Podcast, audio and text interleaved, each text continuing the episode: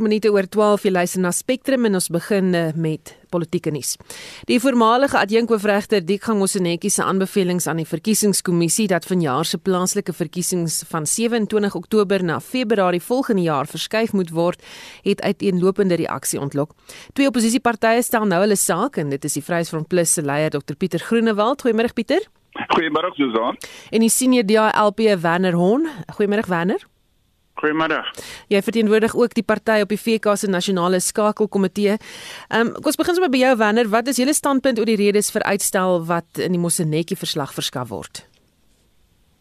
Ja, kyk ons standpunt was te alle tye en dit bly so dat die die grondwet plaas 'n verpligting op op ons en die verkiesingskommissie om voor die 1 November die verkiesing te hou en dat daar uitsonderlike omstandighede redelik naby aan die verkiesing teenwoordig moet wees wat 'n vry en regverdige verkiesing onmoontlik moet maak ten einde die verkiesingskommissie of ander belanghebbendes in staat te stel om die grondwet hof te nader vir 'n uitstel.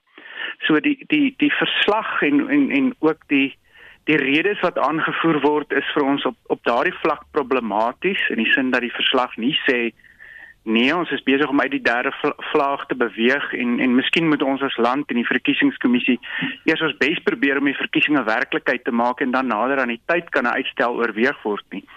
Uh dis ook vir ons half problematies dat die die voormalige adjunkregter Februarie as die datum identifiseer waarop daar dan nou 'n vry en regverdige verkiesing gehou sal kan word uh, op 'n baie baie ek wil amper sê ehm uh, effense basis naamlik dat dat inentings teen dan nou die risiko minder gaan maak terwyl in ons opinie die wetenskaplike uh, uh, data wat hy ingewin het ingewin het nie noodwendig daardie afleiding ondersteun nie. Hm.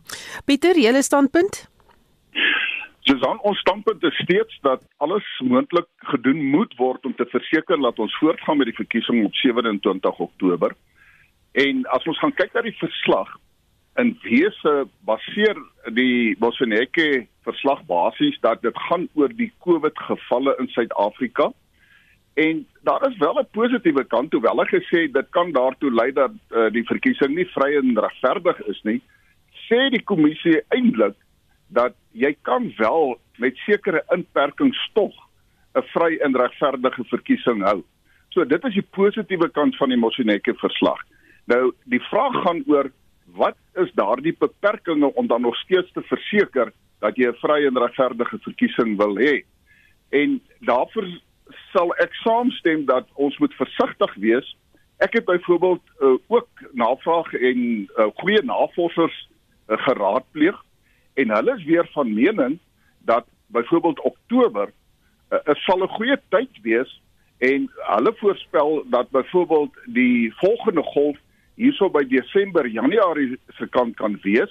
So daar's meningsverskille oor wanneer die volgende golf gaan plaasvind en alles van die Moseneke kommissie word daarop gebaseer weens voorleggings. Ek sou sê dat wat moet gebeur is want as ons van kyk na die tydtafels dan moet daar uh vroeg in Augustus uh, rondom die 8de Augustus moet die verkiesing dan geproklaameer word en ek sou aanbeveel en vir die uh, verkiesingskommissie vra dat hulle steeds voortgaan daarmee. Laat ons ons verkiesingsnaweek het. Ons het van die begin af gevra dat daar moet 'n tweede naweek wees. Dit moet hulle ook doen. En as jy dit geproklaameer het, dan is daar sekere prosesse wat kan plaasvind. Dit moet voortgaan. En dan moet daar hmm. gekyk word hoe die hele COVID-19 uh, infeksies uitspeel jy kan dan maklik daarna as dit reeds geproklaameer is om te sê nou maar goed uh hier is nou die golf en dan kan hulle na die hof toe gaan en dan kan hulle 120 dae uitstel vra. Maar as hulle dit nie betyds proklaameer nie dan aanvaar die kommissie nou dat ons in Oktober wel die volgende golf gaan hê. En ek dink dit is riskant want dit kan verander en dan is dit te laat om te proklaameer en dan as ons in Februarie gaan soos wat die kommissie aanbeveel, dan kan ons met 'n groot probleem sit. So ek is van mening uh en die Vryheidsfront Plus se standpunt is kom ons gaan voor proklameer die verkiesing en daar is dan 'n geleentheid sou dan die ware feite na vore tree of laat ek sê die werklike realiteit dan na vore tree dan kan jy 'n aanpassing doen. Moenie nou al sekere stappe hmm. doen op 'n veronderstelling dat die koerse of die infeksies hoog gaan wees nie. Wanneer is 'n hele party gereed om enige tyd verkiesing te kan hou? Ja, kyk, dit is interessant dat jy daardie vraag vra. Ons was heeltyd van oordeel dat die druk wat die verkiesingskommissie ervaar het en wat hulle natuurlik verplaas het na die Mosenetjie ondersoek tot 'n baie groot mate teweeggebring is deur sekere partye wat min of meer niks gedoen het om voor te berei vir hierdie verkiesing nie. Ons het in steede te midde van uh, infeksiekoerse wat nou maar wisselend was in in in effek uh, so ver terug as Maart April begin met ons kandidaat keuringsprosesse. Ons uh, het die nodige voorbereidings gedoen om om om om registrasie naweek in, in te gaan um, eers in Julie en nou einde van die maand. So ons is gereed um, en dit is jammer dat dit lyk asof um, agter die skerms die onvoorbereidheid van sommige politieke partye ook definitief 'n rol gespeel het in in die eerstens die aanstelling van regter Mosenetjie en tweedens die die uitkoms En Pieter, is jy gereed om enige tyd verkiesing te hou? Ons is heeltemal gereed, uh, Susan. Ons plakate is reeds op en uh, ons is reg vir registrasie, so ook meer as een registrasie. Ons is uh, gereed vir die 27ste Oktober. As hy uitgestel sou word, dan is ons nog steeds gereed, maar ek sê weer eens, uh, die standpunt is uh, kom ons doen die nodige wetlike vereistes soos die betyds van die proklamasie. Die Vryheidsfront Plus wil ook nie sien dat as ons byvoorbeeld aan die kruin van die golf is, as dit rondom dan sê nou maar Oktober is, dan kan dit nog steeds uitgestel word. Ons wil nie mense onnodig blootstel nie. As ons tans kyk, ons is op die oomblik in 'n vlak 4 uh inperking en daar kan tog redelike aktiwiteite plaasvind. Mense kan byvoorbeeld elektronies registreer as kiesers. Die verkiesingskommissie moet net sorg dat daardie proses glad uh, verloop. En ons is van mening dan kan jy nog steeds 'n vry en regverdige verkiesing hou. En dit is ook as ek kan kyk na die aanbevelings van die Mosonetjie kommissie het hulle van die aanbevelings wat ons uh, voorgestel het nou glo ander politieke partye ook byvoorbeeld met spesiale stemme. Dit is 'n aanbeveling om te sê dat ons nie net die 2 dae voor die verkiesing spesiale stemme doen nie. Ons aanbeveling was 'n week voor die tyd. Dit kan gedoen word.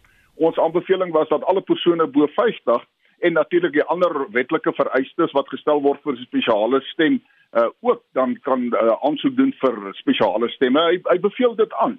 So ek is van mening jy kan binne die bepalinge en ons sien die syfer vir hierdie oomblik is besig om te daal. Uh die kurwe plat totaal af en ek sê maar weer eens ons is gereed. My versoek sal wees om te sê proklameer want die belangrike datum nou is die proklamasie datum. Want na die proklamasie datum tree daar sekere wetlike aspekte in. As ons daardie punt gemis het, dan het ons 'n probleem. Dan sê ons ons stel die verkiesing uit, maar ons weet nie regtig of dit die kruin van die golf gaan wees en wat die infeksies gaan wees nie. Daarom sê ek proklameer die partye wat gereed is is gereed. As die ander in die slaap was, nou ja, dan was hulle in die slaap. Maar as daar dan wel 'n kruin van die golf gaan wees in Oktober, dan is dit maklik om dan net na die hof toe te gaan en sê kom ons stel hom uit maar dan is die, al die politieke partye in elk geval gereed want dan is 'n basies net 'n 3 of 4 maande verlenging. Wanneer sommige luisteraars het vanoggend in SMS terugvoer aangedui dit is juis nou 'n goeie tyd om die ANC behoorlik op plaaslike vlak uit te stem. Ehm um, sal oppositiepartye wil saamwerk om uh, dit te kan doen? Verseker ja. Wat skies ek dit hoor. Ja, die feit dat ons saam praat of gelyk wil praat is dalk 'n aanduiding. Ja, kyk ek dink dit Wanneer dit en veral as mens praat oor plaaslike verkiesing plaaslike regering, gedeelde waardes oor goeie geldelike bestuur en goeie dienste moet saam staan en en en en die ANC by soveel moontlik munisipaliteite uit regering hou. Ehm um, en 'n mens kan net hoop dat die kiesers ook gereed is om daai verandering te bewerkstellig. Pieter, verseker uh, voel ons baie sterk daaroor en ons het dit van die begin af gesê toe daar selfs politieke partye was wat gesê dat die grondwet gewysig moet word om die verkiesing uit te stel. Toestande en dienslewering is so swak op plaaslike regeringsvlak en ek hoef nie daaroor uit te brei nie. Die hele land vol uh dat dis 'n kwessie van die kiesers moet 'n geleentheid kry om nuwe raadslede verkies te kan kry om te verseker dat daar beter dienslewering is. Ons as oppositiepartye werk hard want ons sê dat ons is die geleentheid wat vir kiesers gegee word as 'n oppositieparty om wel 'n verandering teweeg te bring om ontslae te raak van die swak ANC dienslewering en dan moenie op verskuilde maniere nou 'n poging aangewend te word om te sê nou maar goed kom ons stel die verkiesing uit nie. Uh en ons moenie onsself mislei nie. Die ANC sal onder 'n dekmantel van billikheid en regverdigheid maar hy sal altyd alles in sy vermoë doen om wel die verkiesing te probeer vertraag en uit te stel solank as wat uh, hy kan en daarom voel die Vryheidsfront Plus baie sterk. Ons moet die verkiesing hou en op 'n verantwoordelike manier. Ons wil nie mense onnodig blootstel uh, aan infeksies ensovoorts nie. Dit moet uh, duidelik uh, onderskei word, maar ons glo dat die golf van van so aard wees dat dit die ideale tyd gaan wees As dit verkeerd is, dan ja, dan het ek gesê, dan is dit maklik om dit uitstel, maar ons moet alles in ons vermoë doen om 'n goeie verkiesing te hou sodat die kiezer die demokratiese geleentheid kry om van swak dienslewering in Suid-Afrika plaaslike regering ontslae te raak.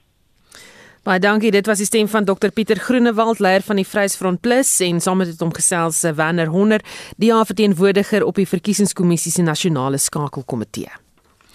Die Independent Civic Organisation of South Africa of the Valley Coast agter teen die voorstel vir uitstelling van die verkiesing, het die Weskaapse leier David Kamfer aan Hendrik Weingart gesê.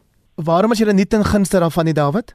Ons glo dat dit arme mense wat op die stadium swaar kry, dat dit 'n doodslag kan wees en dat dit gaan lyk soos die doodstraf wat ingestel word vir mense wat reeds swaar kry en arm is wat uitsien na 'n blinker toekoms Jy's in 'n provinsie byvoorbeeld soos die Weskaap waar die DA beheer en waar dit baie baie moeilik gaan met ons mense. Beteken dit julle is nie bekommerd oor die COVID getalle soos wat dit tans lyk nie?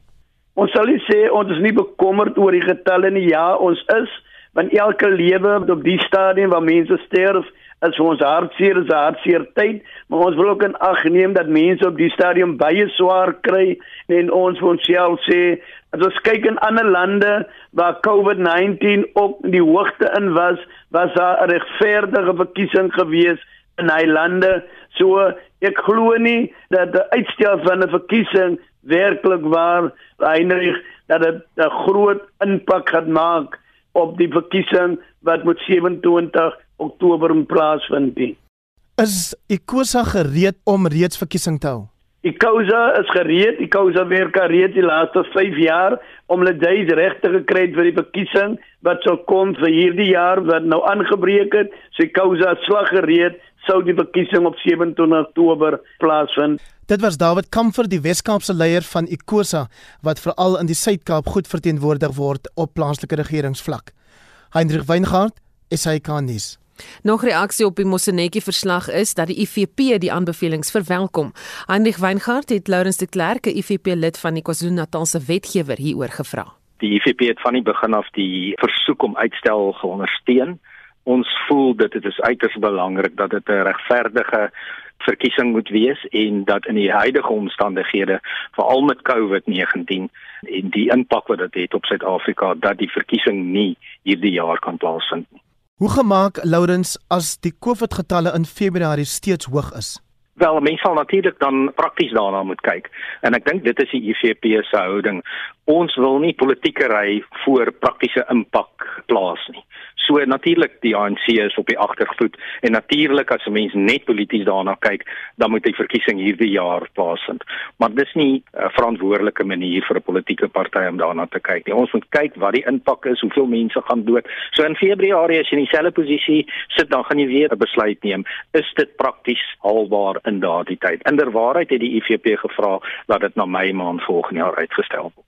Laurens, wat is die alternatiewe vir fisiese stemming as ons nie verkiesing kan hou selfs teen Mei soos wat jy hoop nie? Wel, weer eens is dit 'n praktiese uit. Ek twyfel persoonlik.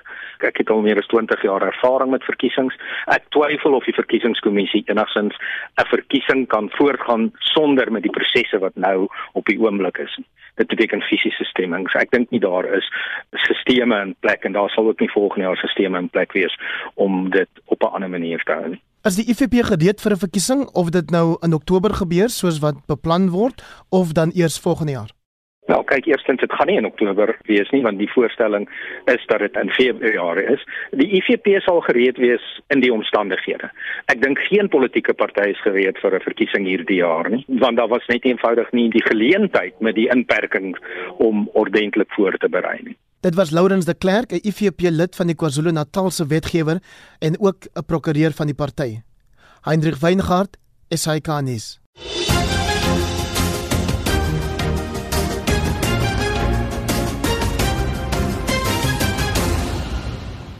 Presies 20 minute oor 12. Die inflasiekoers het in Junie weer tot onder 5% gedaal. Die Junie verbruikersprysinflasiesyfer het op 4,9% te staan gekom van Mei se 5,2%. En vir meer hieroor praat ons nou met 'n ekonom van die Buro vir Ekonomiese Ondersoek, Lisette Eichel de Schepper. Goeiemôre Lisette. Goeiemôre. Ek skat hierdie is goeie nuus vir die wat bekommerd was dat rentekoerse dalk weer sal styg.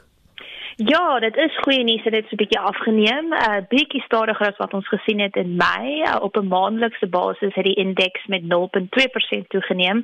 Daar's egter wel belangrike kategorieë soos voedselpryse wat byvoorbeeld met 7% jaar op jaar toegeneem het. Maar die vinnigste toename was sedert 2017 of vervoerkoste wat met baie vinniger aan die toeneem is as ander kategorieë. So dit mag dalk voel vir die verbruiker asof pryse en inflasie heelwat vinniger toeneem as die 4.9%. So want het grootliks bygedra tot hierdie eh, verbruikersinflasie. So as ek geneem het is dit voedselpryse wat sterk toegeneem het asook vervoerskoste, maar aan die ander kant uh, bly dienstekoste of dienspryse relatief laag. So aan die een kant neem goederepryse toe en bly diensteinflasie laag en dit sal seker vorentoe uh, ook so bly die res van die jaar. Die vervoerkoste is 'n interessante syfer. Wat het daar gebeur? Dit het veral te doen met die met die brandstofpryse. Ons weet die Brent oliepryse is heel wat hoër as wat dit laas uh, was hierdie tyd laas jaar. Uh en vorentoe sal ons moet sien of die Brent oliepryse hoog bly en wat gaan gebeur met die rand wisselkoers natuurlik aangesien ons so goed soos alles uh invoer as dit kom by brandstof. Hmm. Wat sal die monetêre beleidskomitee in ag neem as hulle moet besluit oor die rentekoers nou? Ons verwag dat die Reservebank die rentekoers onveranderd sou hou in Morris en Garing. Uh, dit gaan interessant wees om te sien of hulle meer besonderhede gee oor wat hulle verwag die impak op BBP gaan wees en op groei uh, na laasweek se uh, protesaksies. Uh, maar ek dink hulle sal dalk noem dat hulle bydra in die herstel gaan wees dat hulle die rentekoers op die huidige histories lae vlak gaan hou en so die ekonomie probeer ondersteun. Baie dankie. Dit was 'n ekonom van die Buro vir Ekonomiese Ondersoek, Lisette Eysel de Schepper. Die DA sê die gebrek aan optrede en noodplanne het gelei tot die grootskaalse natuurramp wat besig is om te ontvou in Umhlanga in KwaZulu-Natal. 'n Fabriek wat chemiese middels vervaardig en stoor is tydens verlede week se gewelddadige betogings aan die brand gesteek. Dit het daartoe gelei dat van die middels in die Umhlanga strandmeer gestort word en in die lug vrygestel is. Die DA skare minister van omgewingsake, Dave Bryant, het besoek afgelê aan die gebied en sê die reuk van dooie vis en chemikalieë is onuithoudbaar. And that facility was then set alight and uh, caused two major issues to arise. The first issue is that a lot of the chemicals were burnt and released up into the air um, uh, through these uh, massive fires that were blowing out. And uh, that fire has been raging um, since then up until today. The minister did say that the fire would be out by yesterday. Um, it was not out by yesterday, and uh, it's still smouldering today. And obviously, all of those chemicals, many of which haven't actually been properly evaluated, so they don't exactly know what chemicals uh, were in there. But as we understand, there were fungicides, pesticides, herbicides, all sorts of incredibly dangerous things. Brian sê die skade aan die omgewing kring net al verder uit weens die gebrek aan 'n bestuursplan. They opened up to flush out all of those chemicals and flush them directly in to uh, the rivers which run down into the Umhlanga lagoon. And uh, a bright, bright blue liquid has been running out from that factory up until yesterday. I was there myself yesterday, went down. It's still a steady stream of this sick smelling bright blue liquid running out with a combination of different chemicals. And what that's done is it's effectively killed the Mflanga lagoon. The environmentalists who were on site with me yesterday said that there's nothing living in that lagoon anymore. There are piles of dead fish everywhere being, you know, collected. It looks like something out of a zombie movie. And uh, there's also been a flow from that lagoon now into the ocean because they have now attempted to release some of that uh, toxic uh, waste through into the ocean uh, to try and desaturate the lagoon. But obviously, that is now having a serious impact on the ocean as well. Brian sê verder die plaaslike owerhede lig ook nie die gemeenskap in oor die gevaar van die gebeure nie. Yesterday when we were there is that a lot of people aren't properly aware of how dangerous it is. There's not enough signage around telling people of the hazards. There are some people strolling along walking their dogs. You know, one of those dogs could quite easily eat one of those fish. You know, people could cut themselves and walk across that sort of hazardous lagoon area. But I think the real long term impact, the real tragedy, is the fact that this is going to have a seriously, seriously negative impact on that area, which has been around for thousands of years and is incredibly important from an environmental and a heritage perspective. And, you know, the, both the local and the provincial governments here have unfortunately done very, very poorly in terms of their handling of this. There should have been action taken straight away. They should have been identified that this was a toxic chemical plant that was burning. Hy sê die maatskappy het ook nie uit sy eie vorendag gekom met inligting oor wat presies gestoor word daar nie. Brian sê hy wil ook weet hoekom so 'n fabriek toegelaat is om sake te dryf so naby aan 'n waterbron. So I was actually directly in contact with the minister yesterday and uh, I must say she you know she agreed wholeheartedly you know that this is a serious disaster and uh, I know she has said that you know she is going to do what she can to assist and try to speed that process up but I think there's been a failure from a from a local municipal level and from a provincial level in KZN to address the issues they haven't acted fast enough they haven't properly evaluated the potential danger going forward and uh, I hope that you know the, the efforts that we've made to try and escalate this are going to filter down to those uh, provincial and uh, and local governments here. Dit was die Diaskari minister van omgewingsake Dave Bryant. 14 wêreldleiers insluitende president Cyril Ramaphosa se naam verskyn op 'n bewering op 'n lys van sowat 50000 mense wie se selfone deur die Pegasus spionasiesagte ware onderskep kan word. Gebruikers van die tegnologie word in staat gestel om op hulle teikens te spioneer. Die Franse president Emmanuel Macron se naam is ook op die lys saam met die president uh, pres, uh, Baram Salik van Irak en die eerste ministers van Pakistan, Egipte en Marokko. Marlenae Forsie het meer besonderhede. Die menseregte groep Amnesty Internasionaal en die Franse nie-regeringsorganisasie Forbidden Stories het die aanvanklike verslag hieroor bekend gemaak.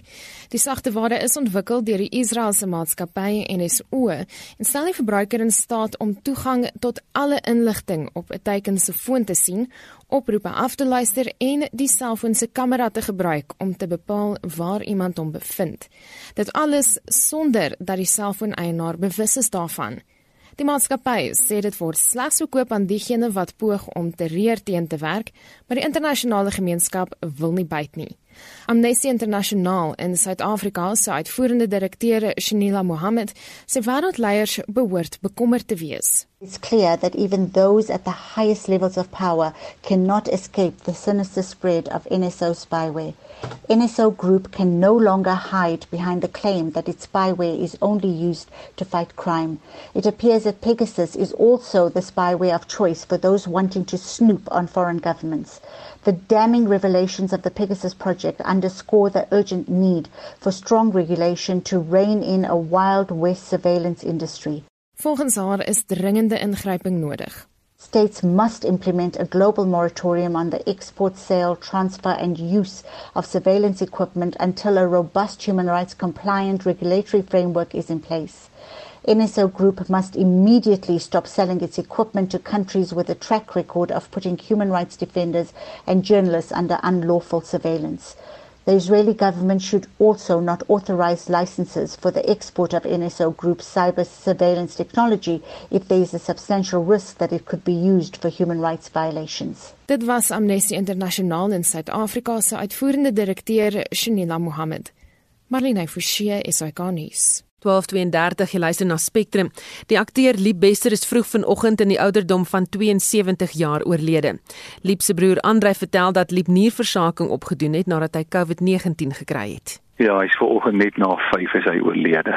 Want hy's 'n um, maand of wat gelede met COVID gediagnoseer en uh, hy was 'n week in die hospitaal. Aanvanklik het hulle nie opgetel dat daar fout was met sy niere nie, maar toe hy huis toe gekom en terugslag gehad en hy is toe weer opgeneem en toe het hulle vasgestel dat daar nierversaking is. Aanvanklik het ons gedink dit is akute nierversaking wat sal genees en hy is toe 'n tweede keer ontslaan en afgelope Saterdag het hy vreeslik swak geword. En um, ek het met die internis gesels en en hulle het gesê ons moet hom maar terugbring. En uh, nou ja, toe het hulle vasgestel dat niere is kroniese nierversaking en baie baie verswak. En um, ek het gisteraan 10uur nog met hom gesels en hy was heel opgewek en gesê ehm um, hy aanvaar dit wat die Here oor hom bring en uh hy gaan donderdag sou hy gegaan het as die Here wou vir 'n uh, uh, ek weet nie wat se prosedure met die oog op die dialyse hmm. Wat dan sou plaasvind en ehm um, hy is vanoggend dan nou net na 5 is hy kan jy sê in sy slaap oorlede die hospitaal kon nie bevestig, jy weet, uh, presies wat gebeur het nie. Hy is heel rustig in sy slaap, is hy net weg. Hy het ehm um, seun uh wat sy naam uh, dra, Gottlieb ook en hy woon in Kempton Park. Ehm um, en dan het hy 'n dogter in Nieu-Seeland, Erika, en hy het 'n dogter in die Kaap, Nicole uh, en ek het hulle nou maar in volgorde van ouderdom gegee. Ja, ja. Ja, ag, en hulle is almal bitter hartseer. As jy nou dink aan hom, jy weet wat wat spring eers in jou gedagte? Wat wat onthou jy onmiddellik? ja, toe my pa oorlede is, was ek 11 gewees en hy 23 en hy het maar die rol oorgevat. Uh, so hy was maar vir my 'n mentor en hy was vir my 'n bepaal alles, jy weet. Ek kan net sê wat vir my uitstaande is die afgelope 2 weke, die tydjie wat hy by die huis was en as ek met hom oor die foon in die hospitaal gesels het. Was daar 'n ongekende dankbaarheid in sy hart net vir alles vir die gawe van die lewe, vir die wyse waarop die Here hom deur sy lewe gedra en ondersteun het en uh vir mense. Hy hy het net aanhou sê, jy weet, mense is so goed vir my. Ek verdien dit nie. Ek is so dankbaar. So dit was vir my hmm. regtig wonderlik die die afgelope 2 weke. Was dit 'n weerspieëling van die tipe mens wat hy was? Absoluut. Absoluut. My vrou het vanmôre gesê die uitstaande eienskap van hom is vergenoegdheid, jy weet. Ehm um, vandat ons ander broer 2 jaar terug oorlede is, het hy by my kom bly en ehm um, hy het alles so waardeer en alles so geniet jy weet. Die eenvoudigste ding as ek vir ons ou stukkie vleis braai dan het dit verskriklik geniet en waardeer.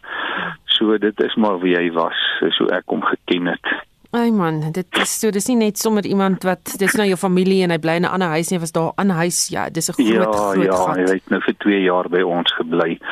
Eintlik het ons ander broer verswak uh na die einde van van sy lewe toe in in Liepe toe daar ingetrek om hom te gaan versorg.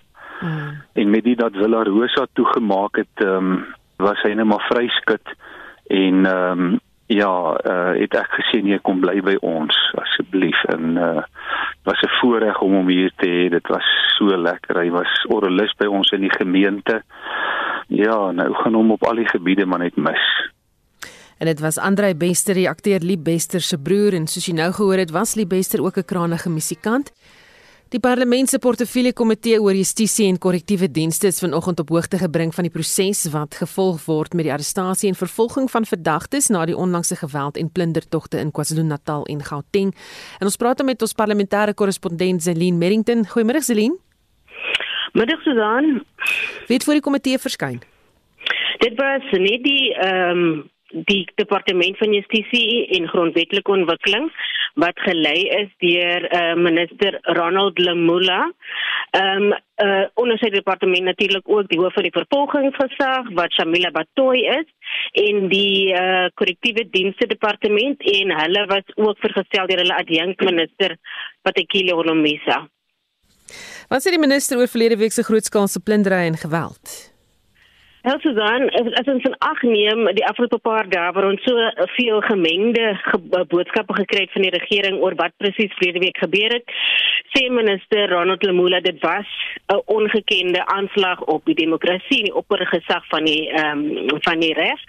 So tussen hom en die eh, ehm uh, um, president was daar geen teenstrydigheid oor wat hy en en sy departement dink verlede week in dele van KwaZulu-Natal en Gauteng gebeur het nie.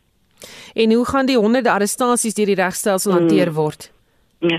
Daar is 'n paar honderd ehm um, uh, amper meer uh, 2000 mense uh, Susan wat in hegtenis geneem is. En ehm um, leitsers weet reeds dat ehm um, die regstelsel sukkel alreeds. So wat hulle nou gaan ehm um, oorweeg vir die minister is alternatiewe strafregtelike ma uh, strafregtelike maatreëls byvoorbeeld 'n skulderkenning en hulle gaan ook 'n spesiale ehm um, hofrol ehm um, uh, daar stel om nou hierdie sake spesifiek te prioritiseer. En ehm um, die sake gaan nou elke dag aangehoor word. Dat dat daar gaan nie uitstel hier en uitstel daar wees nie sodat hulle so gou as moontlik die sake deur die stelsel kan kry. Maar dit is nou spesifiek vir diegene wat want hulle nou hierdie misdade van verlede week het hulle nou gekategoriseer. Dit is nou hierdie uh dis dis die mense wat ge, wat gesien word as ehm um, mense wat 'n soort van 'n laer vlak van ehm um, van kriminaliteit gepleeg het. Die wat net geplunder het byvoorbeeld ehm um, die wat net by uh, wat net kredenierware gegryp en gehardloop het. Ehm um, en dan is daar nou diegene wat deel was van 'n meer georganiseerde groep wat ehm um, byvoorbeeld jy weet ons het gesien op televisie mense wat goed met bakkievragte by bakkievragte weggery het en dan is daar die aanhitsers en diegene wat agter die geweld is en dit is nou die laaste groep ehm um, hierdie mense wat hulle daarvan verdink wat die aanhitsers was ehm um, uh, uh, die NVG gaan hulle nou prioritiseer en die adjunkdirekteur van die ehm um, NVG Rodney de Kok sê hulle sal indien het, uh, indien daar nodige gronde is, gaan hulle die mense wat daarvan verdink word dat ehm um, hulle die aanhitsers en beplanners was van die geweld gaan ehm um, heel moontlik gaan hulle aangehoor word onder die wet op terrorisme en ehm um, klagtes uh, soos uh, byvoorbeeld hoogverraad in die gesig staar die hoof van die NVG ehm um, ehm um, Susan Shamila Batoy Sy sê hulle kan verstaan dat dit armoede kan lei tot plundering, maar dit is nie vir hulle aanvaarbare verskoning nie. So ehm um, as die NVG sal hulle uh, regstellende geregtigheid oorweeg, want aan die einde van die uh, van die dag is dit nie is dit net die NVG wat daaroor kan besluit, nie die minister of enigiemand anders nie. Maar sy sê hulle gaan wel agter diegene gaan wat die geweld begin het en wat dit beplan het. Hm. En uh, sy sê ook dat hulle is nogal bekommerd. Sy is bekommerd sê sy dat ehm um, die land dalk nie, hier wie die polisie dalk nie die nodige ondersoekende vaardighede nie. Ehm um, as dit nou kom by spesifiek die die die aanhitsers en en die wat die geweld nie beplan het nie, want dit sal natuurlik ehm um, 'n groot rol daarin speel of of die NVG ehm um, hulle wel suksesvol kan aankla. En sy was ook nogal passief oor die oor die onafhanklikheid van die NVG en sy het ook vir ehm um, kollegas in die sekuriteitsgroepering gevra om asseblief tog nie betrokke te raak by politieke faksies en opinies rondom die voorvalle nie, maar dat hulle net konsentreer op die misdade wat gepleeg is en hoe om uh, te verseker dat hierdie mense nou wel in die pen gaan ry. Ja. Ek wil net vir jou laastens sê Susan, die uh, korrektiewe dienste op hulle beurt is nogal baie bekommerd want hulle sê hulle is al reeds oorbevolk en hulle sukkel en hulle hulle sê met die duisende arrestasies wat gemaak is, daar is nie plek vir almal nie en dit is nog ehm um, jy weet COVID ehm um, COVID-19 waarmee hulle nog ook ehm um, uh wat ook oorweeg moet word. So hulle is onder baie baie druk. Ehm um, en hulle sê hulle is eintlik bang dat die oorbevolkingsprobleem in KwaZulu-Natal en Gauteng nou nog ehm um, nog erger sal word as gevolg van wat ons verlede week in in die twee provinsies gesien het. Baie dankie, dit was ons parlementêre korrespondent Celine Merrington. Verskeie waarskuwings is vandag uitgereik vir die Wes en Oos-Kaap. Dit is na aanleiding van die koue front wat oor die kusgebied en gedeeltes van die binneland beweeg. Marlene Forsie het meer besonderhede. 'n Senior weervoorspeller by die Suid-Afrikaanse Weerdiens, Letswana Letselega, sê geelvlak 2 waarskuwing vir swaar reën is uitgereik vir Kaapstad, die Kaapse Wynland, die Oeverberg distrik en die tuinroete. Die waarskuwing is afgebring vanaf vlak 4, maar fratsvloede bly 'n moontlikheid. Inwoners in die streke word verder gewaarsku teen sneeu en sterk wind. Which is the second yellow level 3 warning for snow, leading to possible loss of livestock and crops which are expected over the high-lying areas of the Western Cape and the Eastern Cape, as well as the southern interior of the Namakwa in the Northern Cape. A yellow level 2 warning for coastal winds which are expected to be around 55 to 65 kilometers per hour, which will result in localized disruptions of small harbors and ports of for a short period, which is expected between Cape Point and East London. Duinings van 6 tot 8 meter word verder verwag vanaf Saldanha Bay in die Wes-Kaap tot by die George omgewing van waar dit later vanaand na Oos-London oorbeweeg. Seevaart navigasie kan hierdeur bemoeilik word. Reënweer duur môre voort. Scattered showers along the south and the southeast coast that includes the areas of George, Pietermaritzburg, Port Elizabeth, Opereja, East London, Strait of the Two, Port St. John's, a 60% chance of showers, and a 30% of showers and rain along the east coast and most parts of the southeastern parts of the country and most coast of the east coast of the country. Otherwise, uh, we also expect some parts of Free State, southern parts of the Free State and high grounds into Lesotho and parts of the Drakensberg to experience some snow. But outside that, most of the country should have nothing but cold weather. Inwoners van die noordelike dele van die land het reeds 'n voorsmaakie van die koue wat op pad is ontvang en temperature gaan na verwagting teen môre en Vrydag verder daal. Marlene Forsie is ikonies. Die Springbokke se afrigterspan het hulle beste moontlike span vir Saterdag se eerste toets in die Britse en Ierse leeu saamgestel om te hoor wat sy mening is oor die groep en die komende kragmeting. Verwelkom ons nou vir David Manuel, afrigter by die Bulle en 'n voormalige Karibeker speler vir die Bulle, Vrystaat en Griekwas. Goeiemôre David. Goeiemôre Susan, hoe gaan dit? Met my gaan dit absoluut goed, maar sê vir my jou oorhoofse indruk van die 23-tal wat Suid-Afrika Saterdag gaan verteenwoordig. Ek dink daar's baie verrassings rondom die, die span seleksie nie. Ehm um, Susan, ek dink ehm um, is 'n redelike volwasse span. Ek meen daar's omtrent 11 spelers wat in die, in die Wêreldbeker finaal gespeel het en 21 uit die 23. Dis 'n redelike volwasse span. En sê vir my watter spelers of speler gaan die bokke mis?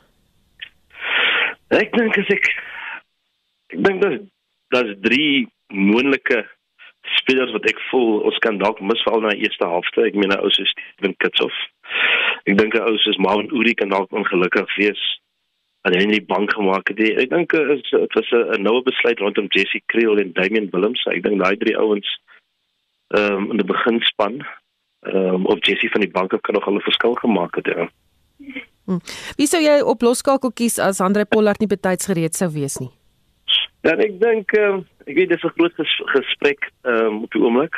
Uh hoekom oor my nie in die in die 23 is nie, maar ek dink Elton Elton is deel van die wêreldbeker span gewees, hy het genoeg ervare. Ehm um, ek meen hy het 38 caps op die oomblik en dit dit dit spreek uh, volume. En dan kan hy ook soos hy dan natuurlik op die bank gewees het. Maar ek dink dan soos Pollard beskikbaar was, hy sal Bornay definitief die die volgende keuse gewees te by bank.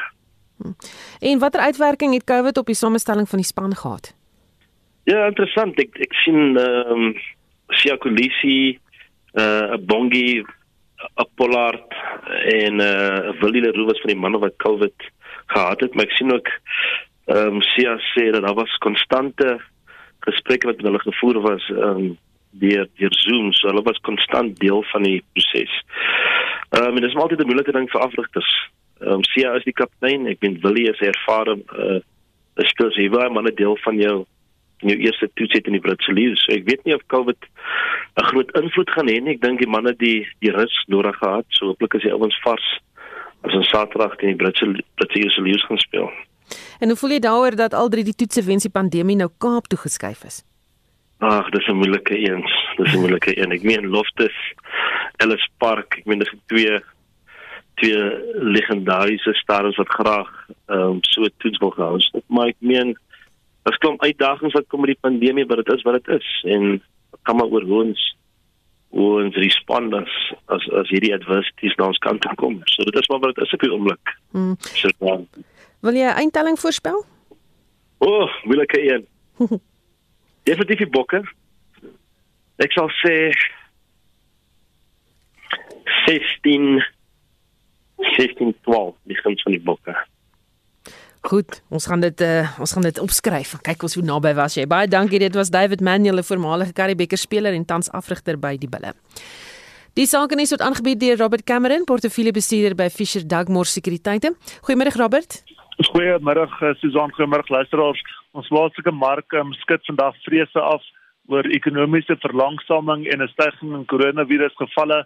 Hy verhandel sterker met sy 0,9% op 66320 punte. Dan die top 40 indeks is beter met 1%, die Hulbron indeks styg met 1,4%, die Navrats indeks is op met 0,9% en dan die finansiële indeks is op met 0,5%. Ons kyk na enkele aandele, Naspers sterker met 1,7%, is op R2954 Anglo American se 2,1% by uh R571.70 dan Sibanye Stillwater beter met 2,2% R58.20 en dan Capitec uh sterker met so 1.5% R1565. Uh die wisselkoerse die rand uh, verswak so rondom 0,4% teenoor die vernaamste geldeenhede uh 14.68 teenoor die Amerikaanse dollar 17 uh 28 teenoor die euro en 'n Britse pond kos dit tans R19.99. Kommoditeite, die goudprys 1803 dollar per fyn ons, platinum 1079 dollar en dan die Brent olieprys uh, verbeter so 1,2%. Hy is op 70 dollar 20 per vatjie. Internasionaal sien ons oornag die Dow Jones verbeter met 1,6%. Die uh, Europese markte ook sterker vandag. Uh, die FTSE 100 in Londen is uh, op met 1,6%, die DAX in Frankfurt versterk 0,9% en dan die CAC 40 in Parys beter met 1,3%. Dan laasens die S&P termynmark op die stadium sterker met so 0,5% en dit dui dan dat dit op 'n beter uh, opening uit Amerika later vanmiddag. Baie dankie, dis een van vandag se sake nuus. Baie dankie en dis die Robert Cameron aangebied portefeuljebestuurder by Fisher Dugmore Sekuriteite. Die nasionale rampbestuursentrum met droogte getuisterde dele in die Oos, Wes en Noord-Kaap as rampgebiede verklaar. Die aankondiging is gister in die Staatskoerant gepubliseer. Willem Symington, die voorsteur van Agris Asse Sentrum vir Uitnemendheid se Natuurlike Hulpbronne Departement sê hierdie aankondiging is baie goeie nuus. Is groot dele van ons land, veral dan nou gedeeltes van die Noord-Kaap, die Wes-Kaap en die Oos-Kaap, is die uh, rampdroogte nog steeds in al sy velheid voorgeduur en uh, is daar nog geen verligting gewees vir reën wat soos wat baie ander dele van die land in hierdie reën se afgelope reenseisoen gehad het nie. Dit is dis vir ons geweldig verblydend dat die nasionale rampbestuursentrum onder leiding van Dr. Tau wel 'n nasionale rampverklaring gemaak het vir droogte. Wat is die implikasies van hierdie aankondiging vir die landbougemeenskap? Kyk, soos wat dit dan ook in die staatskoerant geskryf is, die afkondiging van 'n ramptoestand dan die die implement wat dit moontlik maak om vir die staat net soos met die rampverklaring ten opsigte van COVID om sekere intervensies te loods dan en om fondse beskikbaar te stel om die effekte van hierdie ramp te hoof te bied. En hoe gaan dit werk van hier af? Mense aansoek doen. Jong, ons sal nou maar nog moet kyk. Hierdie was nou net die eerste stap in die proses. Ons sal dan nou moet kyk wat die intervensies is en wat die aksies is wat die staat dan nou beplan. Want uh, dit sal uh, 'n gesamentlike aksie moet wees van die departement van landbou, water en sanitasie, Kogta en die nasionale tesorie. So hierdie is amper maar meer net 'n erkenning van die probleem en dan ook 'n aanduiding van die intensie om iets daaraan te doen wat die aksies daarvan af sal wees sal ons dan nou in die nabye toekoms sien. Kom ons beweeg nou na 'n ander situasie wat ook groot druk op die landbousektor geplaas het en dit was natuurlik die gewelddadige betogings verlede week en julle het intussen ook besluit goed ons gaan help daar in KwaZulu-Natal hoe doen julle dit? Die nood in KwaZulu-Natal is geweldig hoog. Gelukkig lyk dit vir ons of dit in die Gauteng provinsie 'n bietjie minder is, maar wat ons vind is dat die skade wat aangerig is, is geweldig groot. Die hele provinsie uh soveel so dat daar min of meer 61 brandpunte is waar die normale verloop van die lewe amper tot stilstand gekom het as gevolg van die vernietiging van infrastruktuur wat insluit winkels, kitsbanke, al die normale goed wat 'n man nodig het om elke dag van te lewe is nie beskikbaar om te koop in hierdie gemeenskappe en hierdie dorpies nie. So van uh, ons organisasie se kant af het ons al reeds begin om hulp te verleen aan veral die landelike gebiede waar die meeste van ons lede is sodat hierdie mense wel vir hulle die plaatsmense eienaars sowel as uh, werkers wel die geleentheid het om daarom kos in die hande te kry en om dan die nodige medisyne en, en die nodige lewensmiddels te bekom. Uh ons het ook begin om 'n aksie te loods om fondse hiervoor te probeer insamel. Uh daar is 'n 'n noodfonds gestig wat ons dan nou hoop om dan ook weer middel van finansies verligting aan hierdie gemeenskappe te kan bring. En dit was uh, Willem Simington, die voorsteur van Agres as 'n sentrum vir uitnemendheid se natuurlike hulpbronne departement. Marlenae Forsie som vir ons die afgelope uur se hoofstories op Marlenae. Ja, Susanna sê dit heelwat aandag geskenk aan die voormalige adjunk hoofregter Dikgang Moseneke se aanbeveling aan die verkiesingskommissie dat vanjaar se plaaslike verkiesings van 27 Oktober na Februarie volgende jaar verskuif word. Dit lok gemengde reaksie uit op politieke vlak. Dis ook vir ons half problematies dat die voormalige adjunkregter Februarie as die datum identifiseer op 'n baie effense basis, naamlik dat inentings teen dan nou die risiko minder gaan maak. Kom ons gaan voor en daar is dan 'n geleentheid sou dan die ware feite na vore tree, dan kan jy 'n aanpassing doen. In ander lande waar COVID-19 ook die hoogte in was, was daar 'n regverdige verkiesing gewees. As mense net polities daarna kyk, dan moet die verkiesing hierdie jaar plaasvind. Maar dis nie 'n verantwoordelike manier vir 'n politieke party om daarna te kyk. Nou die DA sê intussen die gebrek aan optrede en noodplanne het gelei tot die grootskaalse natuurramp wat besig is om in KwaZulu-Natal te ontvou. Nou 'n fabriek wat chemiese middels vervaardig in Berg is verlede week afgebrand. Die brand nabewering steeds en van die middels is in die Umhlanga strandmeer gestort. Die DA skadu minister van omgewingsake, Dave Bryant. All of those chemicals, many of which haven't actually been properly evaluated, so they don't exactly know what chemicals uh, were in there, but as we understand, there were fungicides, pesticides, herbicides, all sorts of incredibly dangerous things. En president Cyril Ramaphosa is een van 14 wêreldleiers wat na bewering deur gebruikers van die spionasie sagteware Pegasus geteken word. It's clear that even those at the highest levels of power cannot escape the sinister spread of NSO spyware. NSO Group can no longer hide behind the claim that its spyware is only used to fight crime. It appears that Pegasus is also the spyware of choice for those wanting to snoop on foreign governments. 'n storie wat ons daar ook sal dophou soos hy verwikkel en landbouorganisasie Windbrou se dringende interdik aansoek word nou in die Hooggeregshof in Kaapstad aangehoor. Organisasie vra dat die verbod op die verkoop van drank opgehef word en dis 'n storie waarna jy kan uitsien in Monitor môreoggend. Dankie Marlene Forsie wat vir ons die nuus opsom. Dankie dat jy saam geluister het vanmiddag. Moenie weggaan nie, bly ingeskakel vir 360 net hierna. Ons groet. Namens ons redakteur en waarnemende uitvoerende regisseur Wessel Pretorius, ons tegniese regisseur vandag Daiter en Godfrey. My naam is Susan Paxton. Geniet jou middag.